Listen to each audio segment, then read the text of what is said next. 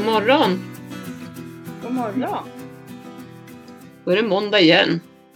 Ja, måndag igen. 21 Ja. juni är det nu när vi spelar in och det är snart eh, det är midsommarvecka. Ja, tänk att det är midsommarafton på fredag. Ja, jag har inte riktigt fattat det faktiskt. Nej, jag håller med dig. Hur är det med dig? Det är bra med mig, men eh, jag är lite trött nu så här. Haft eh, min tredje ridlägerhelg i juni så att man eh, Ja, man blir liksom lite sliten sådär. I, eh, Ja. Inte så mycket i, i kroppen, i musklerna och så, utan mer liksom i huvudet med alla intryck och att man är så... Det är långa dagar och det var ju runt 30 grader varmt och strålande sol typ hela helgen så att det tar ju liksom på krafterna. Ja, men det gör ju det precis som du säger. Om det inte hade varit sån här värme, då kanske man inte hade varit lika trött. Men som du säger, när det är varmt så tar det verkligen massor på, på krafterna. Och ja, det är liksom, man blir liksom seg på något sätt i kroppen. Och det gäller ju att dricka jättemycket, men det är lätt att glömma bort tycker jag också när man är i farten med hästarna. Det är i alla fall min erfarenhet. Man säger till att de får vatten, men så själv glömmer man bort att dricka. Och Även om jag brukar ta med mig vattenflaska och sådär till stallet och vi käkar ju lunch däremellan och lite så, så det, tycker jag i alla fall att det är rätt att ska, när det är så här himla varmt så behöver man i stort sett dricka hela tiden ju, lite grann så här då och då.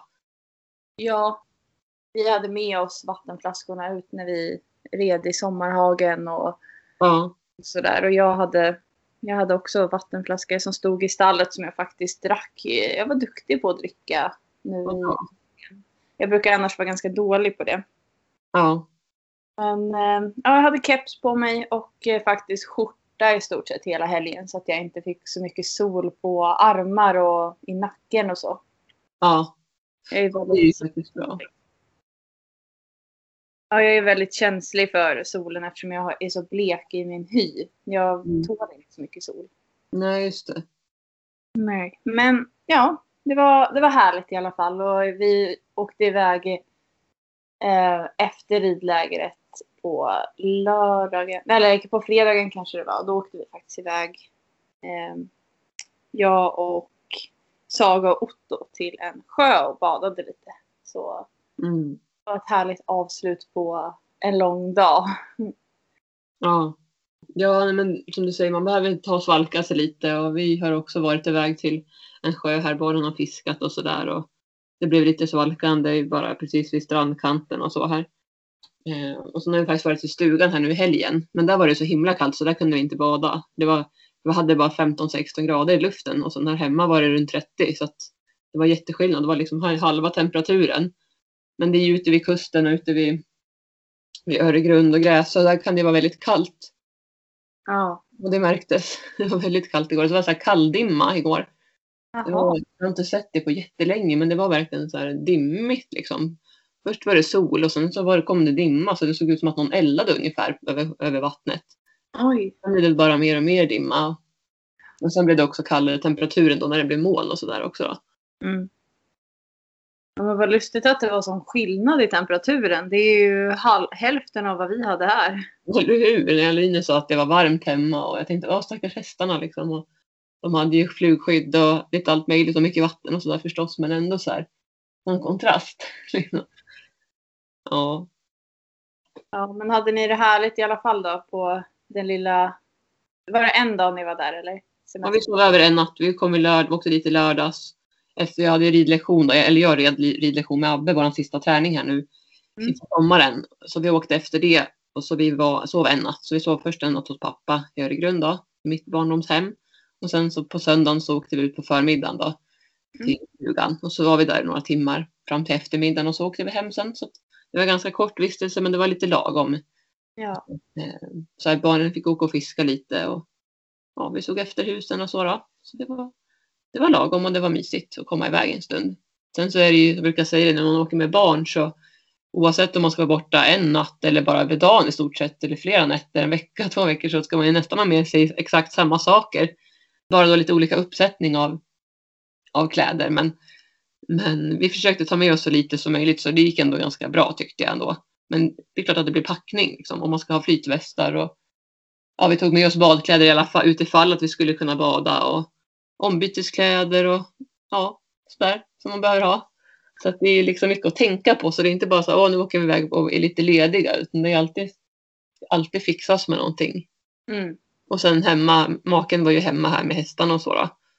Ehm, för han har sina fritidsaktiviteter som han har ägnat sig åt och tävlat och så i helgen. Så han, han har då varit, kunnat vara hemma och passa hästarna. Det var ganska skönt att så här, känt att han har fixat med dem. Ehm, och så. Men eh, ja, det är lite pyssel när man ska iväg oavsett som sagt hur länge. Det är ju det. Men eh, vad härligt att ni fick komma iväg. Även om det var en sån här mini, minisemester så jättehärligt att ladda upp batterierna. Ja, jo, för just det här miljöombytet känner jag. Det tror jag att många också känner samma sak nu under pandemin och så. Att man har ju varit mycket hemma och det är bra med miljöombyte. Mm. Verkligen, jag Ja. håller med. Jag behöver åka bort för att kunna slappna av också. För hemma där har man alltid någonting att göra. Det finns alltid jobb som man eh, blir distraherad av. Om man ska Ja. vara Eller hur? Men hur gick det på ridlektionen med Abbe? Det gick bra. Vi, eh, ja, hon frågade om, jag ville, om det var någonting speciellt jag ville träna på så här inför sommaruppehållet. Då. Eh, och det kändes som att vi ville fortsätta därifrån, därifrån vi slutade sist. Eh, men vi gjorde lite nya inslag i träning och så. Eh, och vi pratade just om det att jag sa att ett av mina mål det är att jag skulle vilja kunna rida, rida honom rakt på fyrkantsspåret i trav och galopp också. Men hon sa liksom att det är en bit kvar dit. Eh, men vi började liksom med grunderna i skritten gjorde vi då. Mm. Jag behöver tänka ännu mer på hur jag rider. Och nu när det är klassisk dressyr så ja, jag måste ju liksom tänka om. Jag får inte sitta där och ta yttertygen och hålla stöd och såna här saker. Utan det är, han ska hitta sin form själv och då är det så otroligt viktigt hur jag sitter. Och, och Abbe är ju så otroligt känslig. Mm. Eh, Så han känner direkt om jag sitter det minsta snett. Det minsta, minsta, minsta. Och det kan vara lite frustrerande också. Men samtidigt så det är därför jag också känner att det går inte så fort fram. Liksom. Vi står fortfarande kvar i skritten och stampar. Och jag vill ju framåt i trav och galopp. Men det finns ju liksom inga genvägar där. Utan det är bara att gilla läget och fortsätta träna på där vi är. Och, och själv bli, att jag själv ska bli så, så rak som möjligt. Även om jag skulle inte säga att det finns några direkt spikraka personer. Alla har väl lite snedheter här och var. Men just när man, måste, när man rider så måste man ju kunna hitta det, hur man ska sitta. Och sen ändras ju det över tiden också. Så att man, det, är- det är inte lätt det där. Mm. Eh, och i och med att man, om också har man en häst som är väldigt känslig så blir det ju eh, inte lättare heller. Men samtidigt så talar ju han också om för mig när jag gör fel och det blir ju en bekräftelse på att okej, jag kan inte sitta där och skylla på honom att ja, men nu var det han som föll in mot ridbanan utan det var förmodligen jag som satt snett där liksom och så rätta till mig och så tillbaks. Och jag har ju jag är väldigt, alltså eller väldigt ska jag inte säga, men jag är ganska framåtlutad när jag sitter och rider. Jag är väldigt svårt att sträcka på mig och få den här ståtliga hållningen och liksom sträcka på huvudet och verkligen så upp med blicken så som min, min ridlärare vill att jag ska sitta. Och det där kan det vara lite olika beroende på vem man rider för och inom vilken gren och sådär, hur, man- hur noga man är med det. Men där ska jag verkligen sträcka på mig. Nu har vi inte tränat jättemycket på det för vi börjar liksom med, med lite mer grundläggande så att säga, andra saker. För, det, för att rida snyggt är ju inte det viktigaste, liksom så, om man säger. Men, men vi har ju börjat prata om det mycket och att jag ska försöka tänka på, på det. Och jag märker ju när jag sträcker på mig, jag tycker att jag sträcker på mig, men då säger hon sträck på dig mer, mer, mer. Liksom så här. Och då är det så här, gud, jag kan typ inte sträcka på mig så mycket som min ridlärare vill att jag ska sträcka på mig känns det som. Alltså jag får verkligen kämpa för det. Eh, och eh, det kanske är en ursäkt, men jag, jag brukar säga det också att anledningen till min hållning har ju blivit, den har blivit sämre efter alla barn och sådär har jag fått. Man har gått och burit och man, jag bär ofta Julin på, på vänsterhöften för att ha högerarmen fri och så. Och det påverkar ju faktiskt. Mm. Även om man inte tänker så mycket på det. Man blir liksom lite sned och sådär och påverkar ju tyngdpunkten. Ehm, men jag ska ändå säga att jag känner mig starkare nu eftersom jag har pratat om det också. Jag tränar mycket och sådär. Eh, Både utan häst eller ja, och, och med häst. Men, men ändå, det är inte lätt alltså. Det är en utmaning. Det är, det är svårt att rida. Ja. Verkligen. Men vi har ändå gjort framsteg och det är roligt och det fick vi verkligen beröm för att vad ni har varit duktiga under den här terminen och ni har verkligen gjort framsteg. Och ja, men hon tycker att det är roligt att jobba med oss och det ska bli kul att liksom se Abbes potential och sådär. Eh, och jag menar, om vi backar tillbaka bandet från när vi startade rida för henne så, ja, det var liksom, vad ska jag säga, det var, ja, vi har, gjort, vi har verkligen gjort framsteg, det känner jag själv. Sen är det lätt att bli girig och tänka att åh, jag hade velat nå ännu längre. Mm. Men hon sa liksom det att det är inte lätt att rida på, på fyrkantsspåret rakt. Men Nej. att det lättaste är nästan om du tänker att du ska rida på en volt i trav och galopp istället för att rida på fyrkantsspåret. Och det hade jag inte ens tänkt på. Nej. Jag var så fokuserad på liksom att det var ett mitt så mål. Med att liksom verkligen få honom rak och följsam och så. Och förstås i form också då. Eh, Men där är vi inte ännu, det är en bit kvar. Men det gäller ju att göra rätt från början. Eh, Om man är noga från början så, så tror jag också att det blir ett bättre resultat i slutändan. Så att man inte hoppar någon moment eller gör något slarvigt utan att det verkligen blir noggrant. Mm, vad bra, bra jobbat av er och härligt att du är så tålmodig eller att du lyckas vara det. Jag förstår frustrationen när man känner Ja. att man vill vidare. Men... Ja, precis. Och sen så för hans skull också. För jag känner ju att jag skulle vilja ri- kunna rida ett pass hemma och verkligen göra honom, alltså trött kan man ju typ inte göra en PRE, men alltså få honom ändå springa av sig i skritt och trav och galopp med mig på ryggen på fyrkantsspåret eller på volta eller hur det nu än är, hemma på ridbanan. Men i dagsläget så rider jag ju ut mycket och det är det vi får fortsätta med eftersom att varken jag eller han är inte redo för det än att rida så på fyrkantsspåret utan vi, vi travar och galopperar och, och, och så ute. Eh, Och det funkar ju bra. Mm. Och det har vi också gjort framsteg för. Jag tyckte det var läskigt att, att trava och, och galoppera på honom för att han har stuckit iväg och så. Men nu börjar jag känna mig trygg i det och börjar lära känna honom och vad han, hur han fungerar och sådär. Eh, och också så här, våga ta kommandot över honom så att inte jag visar mig rädd eller visar att åh, vad ska hända nu? Och det gäller väl de allra flesta hästar att de fungerar så. De vill ju verkligen ha en tydlig ledare även på ryggen. Så, att, så det, det är roligt och jag får vara, får vara nöjd med det. Att vi kan rida ut och, och trava och galoppera. Men vad härligt. Mm. Det, man får liksom fokusera på eh, ja, men framstegen man faktiskt har gjort. Eller hur? Ja. Ja, och det är ju liksom i facit i hand. Det är klart att det hade varit lättare kanske för min del om jag ska se till mina egna behov och mål. Eller behov, men alltså mina egna, vad, vad, jag, vad jag skulle vilja vara någonstans. Så hade det varit lättare för mig med en äldre häst, mer utbildad. Jag menar, jag köpte ändå Abbe som, fem, som var fem år och ganska grundriden och dessutom riden på ett annat sätt än vad jag nu rider. Eh, eller tränar eh, i Spanien.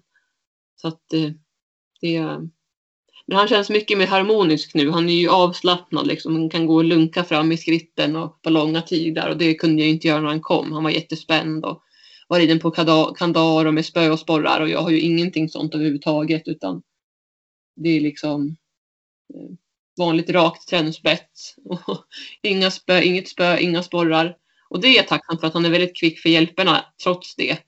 Fast Mm. jag inte rider med de sakerna. Jag kan säga att i början, det, var, det är ganska intressant, det har jag inte pratat så mycket om. Tror jag inte. Kanske i början, tidigare avsnitt då när han kom. Men man, när första gången jag satt upp och red på Abbe på ridbanan, då gick han ju som en klocka. Det var liksom så här, då kände jag verkligen att ah, här, vilken fin häst. Så här, och han bara travade på och vi galopperade på ridbanan på volten och sen, bör, sen började ju problemen komma. När han kände förmodligen att inte jag hade spö och sporrar och att han kände att jag inte var liksid i det här. Då började problemen komma. Sen blev han ju i stort sett skänkeldöv när jag skulle trava. Jag fick sitta och banka och banka och banka liksom, och fick honom inte ens att trava fram. Och det var väl också, han var ju van att det fanns sporrar där och ett spö som sa till. Och förstås också ryttaren säkert slips och sådana här saker. Då. Eh, så då kom vi liksom till, det, till den fasen och sen började han ju bli sned och vet, allt möjligt och testade mig liksom. Och föll in på ridbanan och framförallt vid vissa hörn nere vid F där, där vi har lite precis ut mot vägen till då i vårat fall hem, här hemma. Så där föll han in och tyckte att det var lite läskigt. Och men så här, hittade på massa saker. Förmodligen var det jag som låg till grund för det. Det var ju inte vad han var van. Han var ju inte van med mig. Och då började han hitta saker som han inte kände sig riktigt trygg med. Och så resulterade det i, i, de, här, i de här sakerna som hände med honom. Liksom. Mm. Ehm, sen, och sen när vi började ta hjälp då och började med grundaren igen då, då har ju allt följt på plats så att nu är han inte alls någon skänkeldöv. Däremot så kan han ju falla in och så, men det har ju mer med, med min sits och också förstås hans ork med ska jag ju säga. Ja. Ehm, Så att det, ja, det känns ju som, som sagt att vi har gjort verkligen framsteg.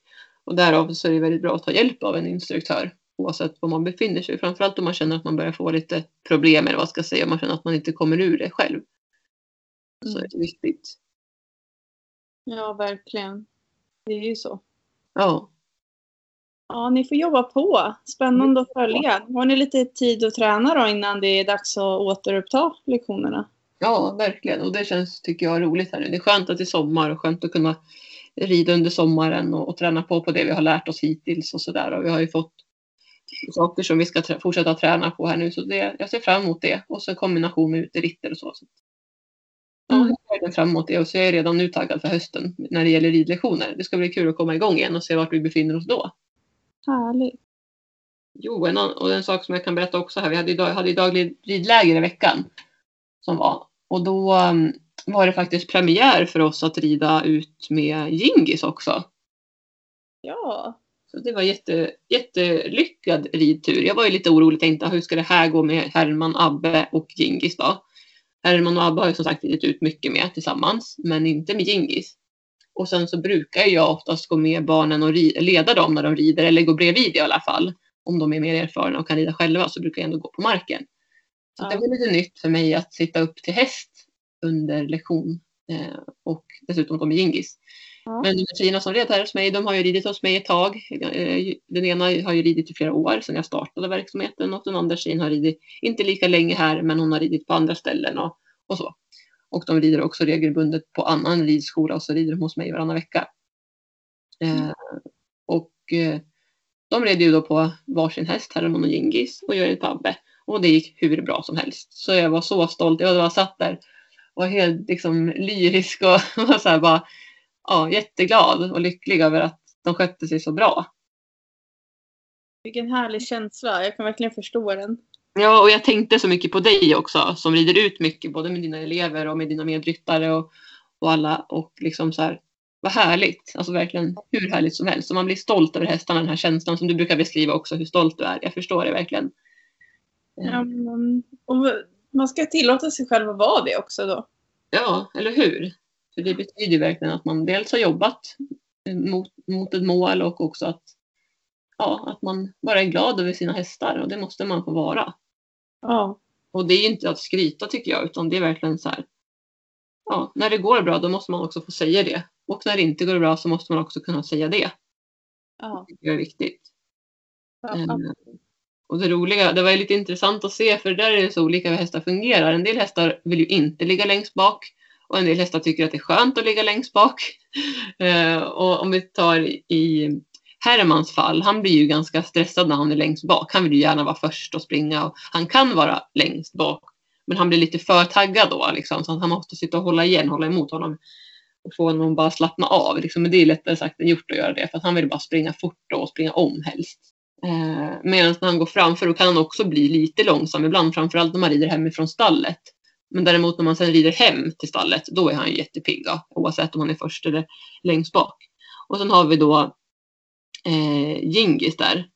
Han blev ju liksom jätteseg när han fick vara längst bak, men vi tänkte ändå att det var en bra placering eftersom att han är, han är minst och, och liksom tar kortast steg och sådär, så att vi inte ska sitta och känna att vi ska sitta och bromsa de andra hästarna. Så då la vi honom längst bak, men det visade sig att han blev ännu mer steg då och kom ännu mer längre bak. Så att då fick han placera sig i mitten först, mellan ja, först Herman och sen Gingis och Abbe längst bak. Ja. Och då blev han mycket piggare. Då fick han liksom så energin tillbaka och bara gick på där. Så det var inte så farligt. Eh, Det gick ganska bra. Jag behövde brom- bromsa Abbe lite grann, men samtidigt är det nyttigt för honom också att ta hänsyn till, till Gingis. Och det gick jättebra, så jag var så stolt över både Abbe och Gingis där, att de inte bråkade med varandra eller någonting, utan att de höll sig bra där i ledet. Då. Och sen så fick även Gingis vara först även någon gång sådär och det var, tyckte han också var kul. Så, att, så det var jättebra. Eh, annars har jag inte direkt erfarenhet av det att en häst blir seg när de är längst bak. Det brukar bara vara tvärtom, att de bara vill liksom fram och, och hinna före de andra. Ja, jag, har också några som blir sega när de är bakom. Och liksom öronen lite bakåt och sådär. Och sen så fort de kommer fram så bara ja, nu blev det roligt igen. Ja. Brukar du tänka att du är före med dem då eller? Eh, vi brukar försöka variera lite men generellt så är det ju den hästen jag rider på den går först. Ja. Men sen brukar ju det vara lite olika så då blir det ju att de får turas om lite. Ja. Och så, vi rider ju ganska ofta i bredd också så vi kan ju rida två och två bredvid varandra och då blir det ju två hästar i täten också ibland. Just det. Det är sant. Mm. Ja. Och Abbe där, han, han skötte sig bra också då. Han, Ja.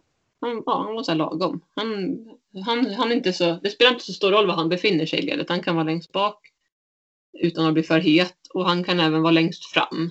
Men det beror lite på också då ska se vart man rider, om han rider längst fram. För han kan bli lite mer tittig ibland om han är först. Ja. Men inte något jättemycket så det kan ändå gå att få honom att gå fram liksom och så. Men, men vi varierade det också visst för att alla skulle få vänja sig vid, vid de olika situationerna. Så det var en jättehärlig uteritt.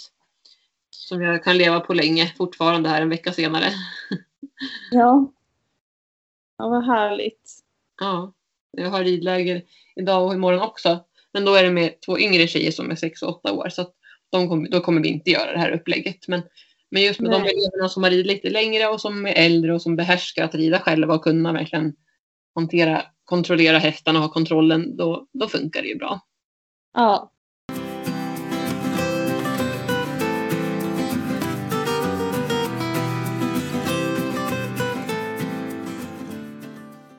Och då har vi lilla King då som kanske många eller funderar över också. Han fick ju vara hemma då, då i stallet och eh, det gick jättebra. Som tur var min make var ju hemma och höll, höll utkik efter honom hur det gick så att inte han stod och gnäggade och var orolig och sådär. Och han har ju en tendens att kunna resa sig på bakbenen över boxdörren, den lilla busen. Ah.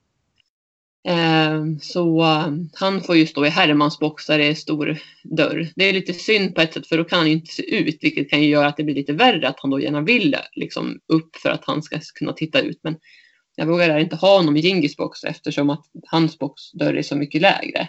Så då skulle han lätt kunna hoppa över om han ville. Eller fastna i värsta fall också. Så därför så får han vara i Hermans box. Men i alla fall så, så hade han skött sig jättebra och var lugn och låg och sov och när vi kom tillbaka så låg han också och sov där i spånet och verkade, verkade tycka att det var skönt att få komma in och slippa insekter och så. Och det var ju varmt också då den dagen. Lite blå, det var blåsigt och fläktade men det var ändå liksom varmt. Så han tyckte nog att det var ganska skönt att vara inne. Eh, Så han har gjort framsteg också där. Hur länge har du haft honom hemma nu? Och vad blir det? Jag måste tänka tillbaka här när jag fick hem honom. Eh, Han har nog varit här i, det blir nog en månad nu i alla fall. Det har gått ganska fort faktiskt.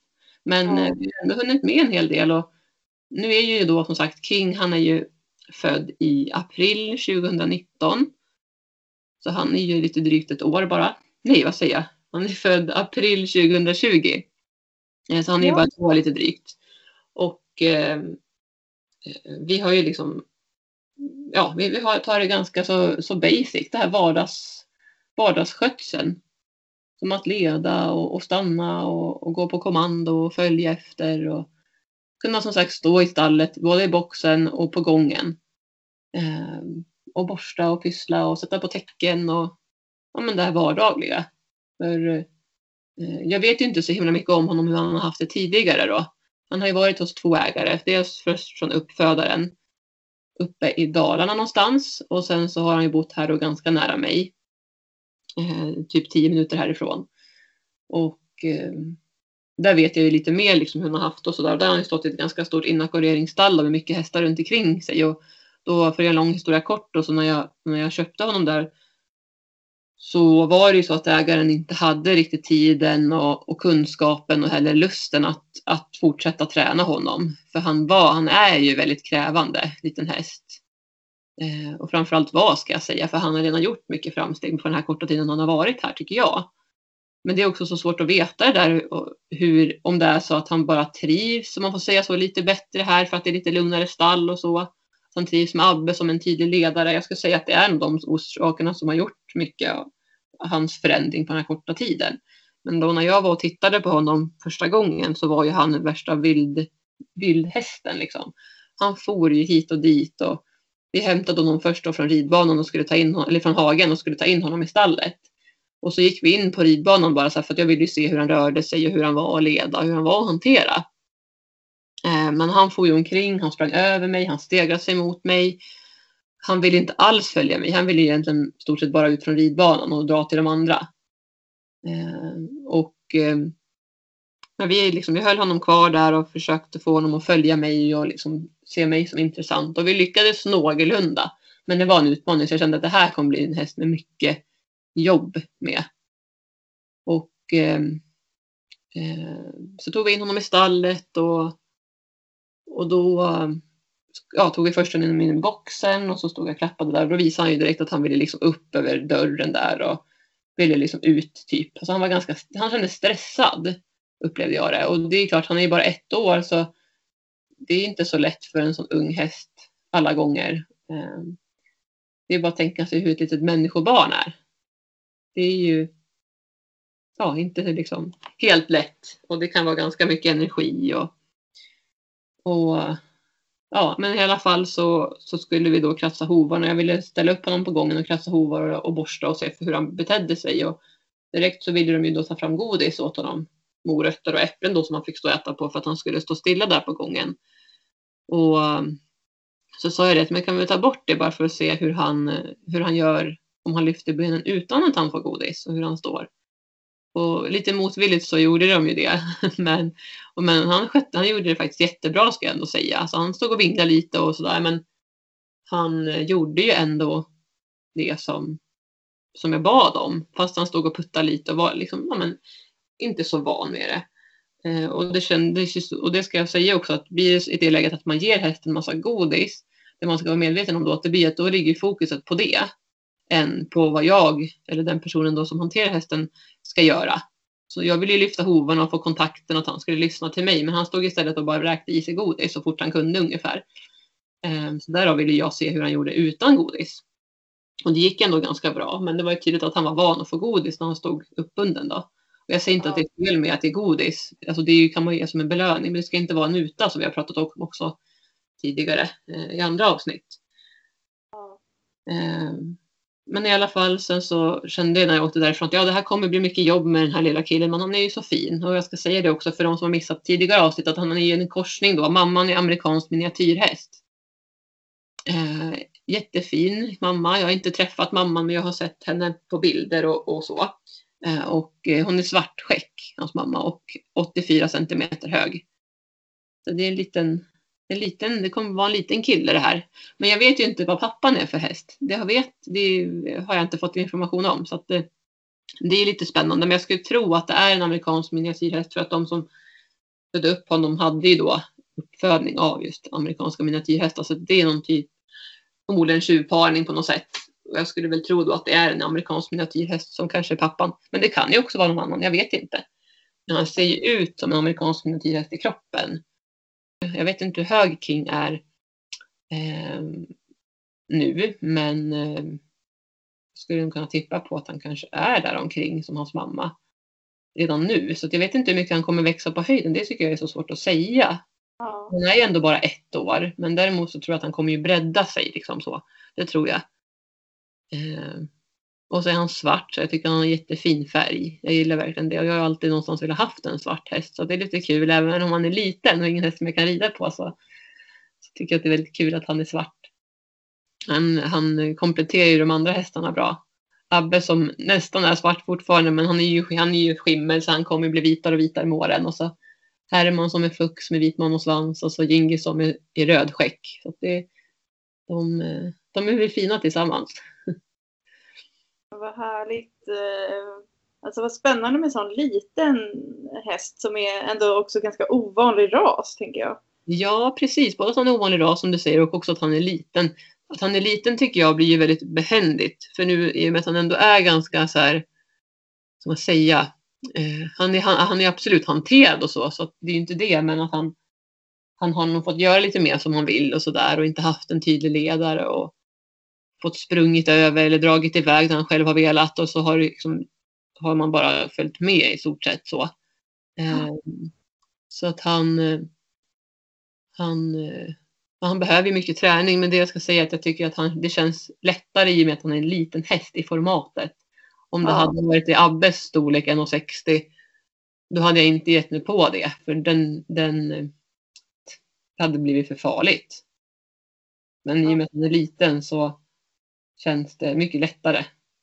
Eh, men han höll nästan på att dra omkull mig här för några, veck några veckor sedan när han jag vände mig om. Vi var på ridbanan och tränade och sen så gick han jättefint men sen ropade helt plötsligt min son på mig och jag vände bort blicken och då fick ju King för sig att då skulle han springa mot grinden så han ryckte till i grimskaftet och for iväg i full fart. Från 0 till 180 liksom. Eh, så då tappade jag lite balans men jag ramlade inte i alla fall men även när man är liten så har han ju mycket kraft och Ja, han är inte jätteskön att bli trampad av heller ska jag säga. Så jag använder ju stålhätteskor och hjälm och väst även när jag tränar med honom fast han är liten.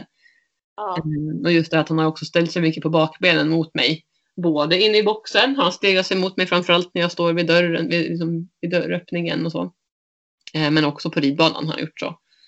Och det måste man ju ta ifrån honom så fort som möjligt. Så nu tycker jag faktiskt att nu har han inte gjort det på jättelänge. På ett Nej. par veckor kanske.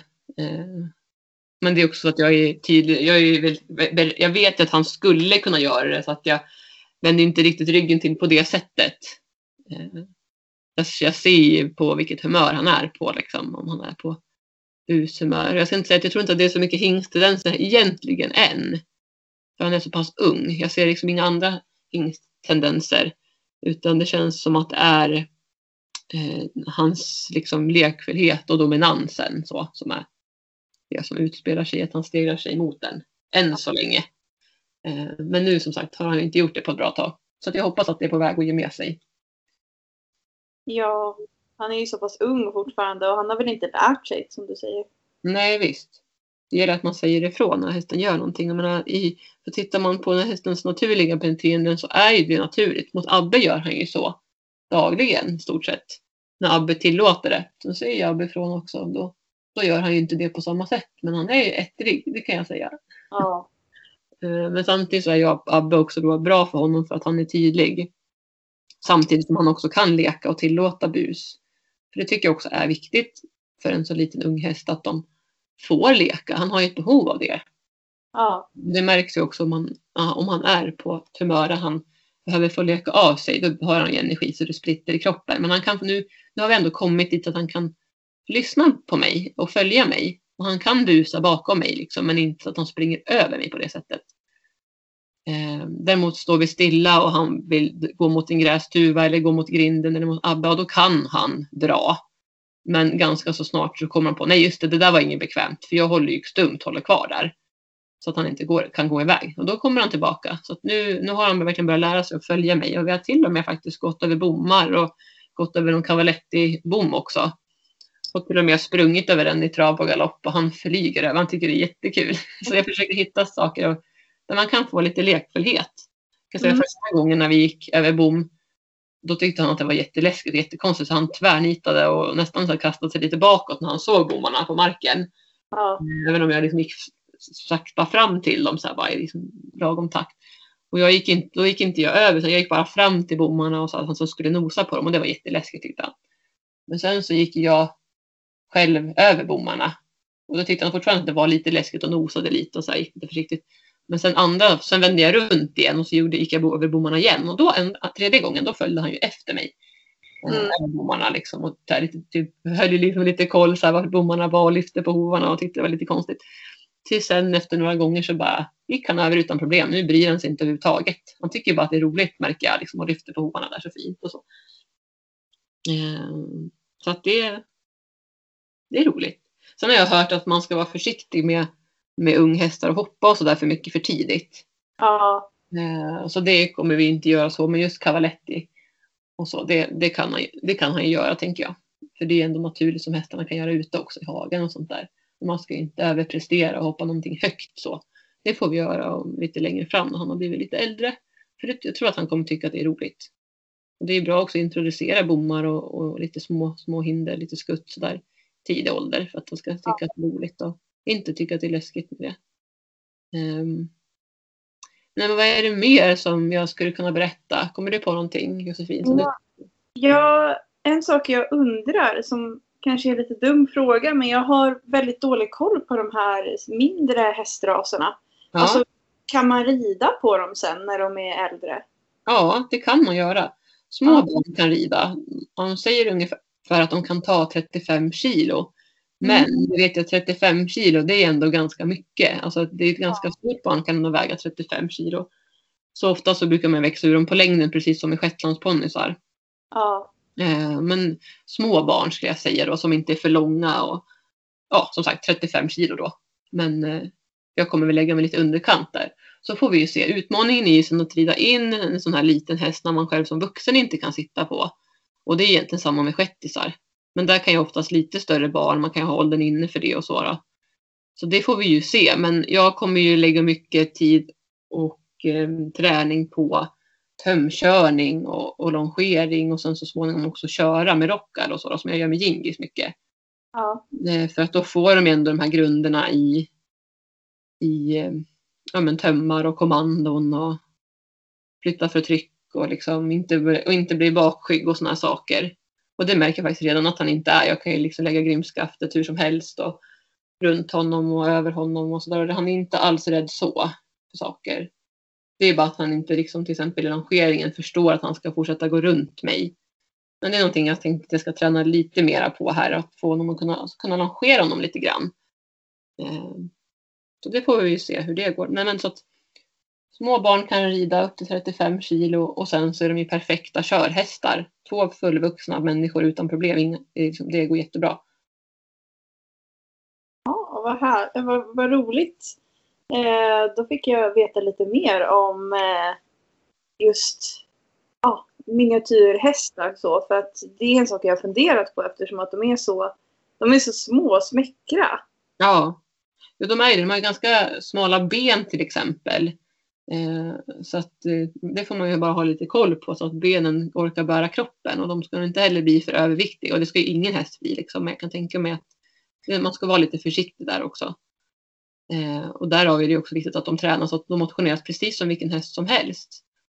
Mm. Och det, det, det är också, precis som du säger, ganska vanligt att man inte riktigt vet men vad kan man använda dem till. Men man kan ju faktiskt använda dem i stort sett till allt som en, vilken häst som helst.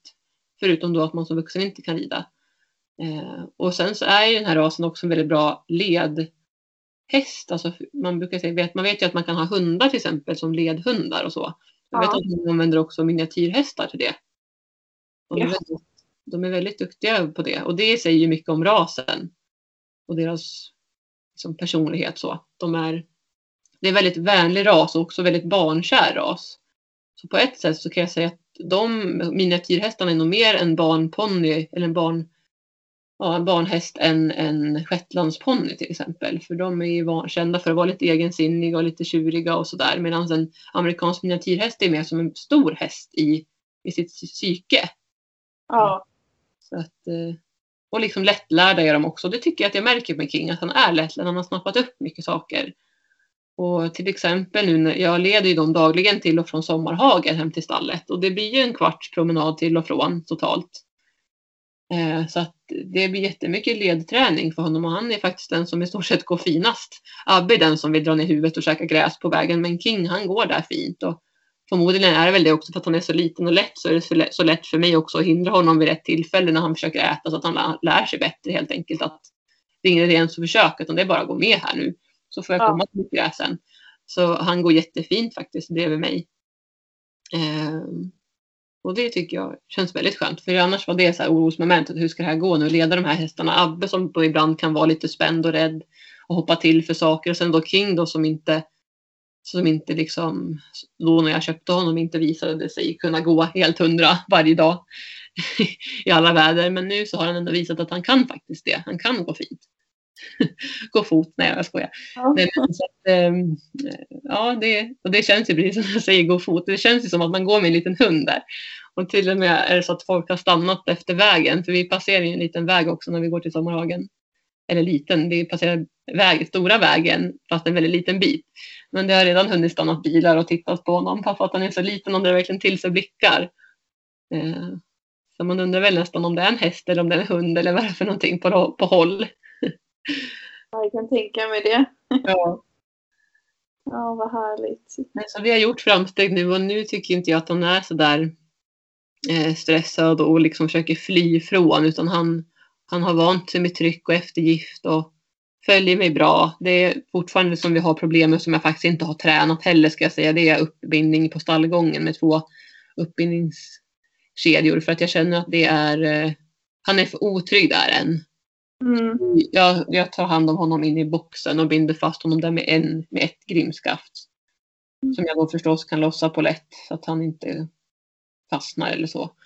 Och eh, det, det tycker jag är ganska lagom. Han har fortfarande lite problem emellanåt när man har mer energi i kroppen så här, att vara i boxen eh, när man till exempel ska stänga dörren. Så vi håller på att träna på det att han inte ska liksom, springa ut vill, eller liksom vilja gå mot dörren och gå ut på en gång utan att han ska vilja vara där inne. Och det går bättre och bättre tycker jag.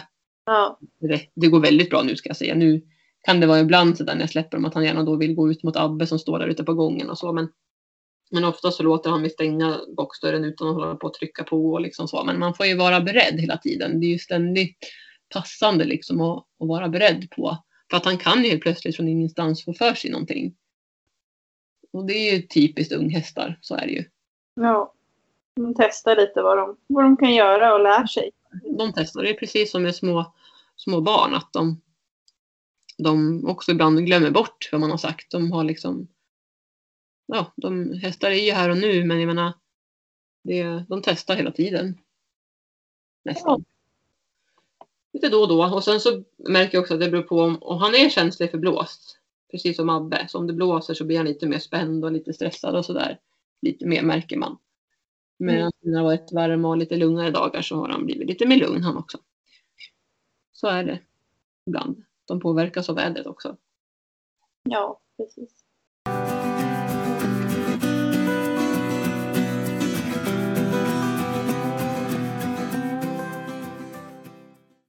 Nej men så att vi får se fortsättning följer här med King. Men han har ju gjort framsteg och det känns jätteroligt. Och han var inte alls den där vilda hästen som jag först trodde att han var. Utan han har visat sig från sin bästa sida här nu flera, flera, några veckors tid här. Ja. Och det är kul också att Abba har fått honom som en bra kompis. Att de har funnit varandra. ja, verkligen. Det är extra härligt att det blev så bra med dem. Ja, och det känns som att Djingis också har börjat acceptera lite bättre även King nu då. Det är inte lika mycket aggression som det var i början och jag tror att det kommer genom gemensamt med tiden och sen när King också blir kastrerad för han är ju hingst nu.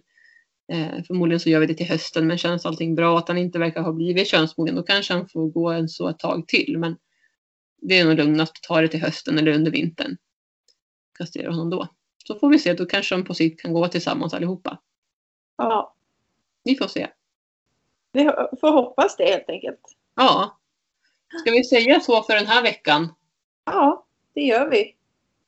Så hörs vi nästa vecka och då får alla ha en jättefin midsommarafton. För vi släpper det här avsnittet på midsommarafton. Ja, Hoppas att alla får en fin, fin ledighet och eh, så hörs vi om en vecka. glad midsommar. Glad midsommar! Kram kram! Kram, kram. Hej då. Hej då!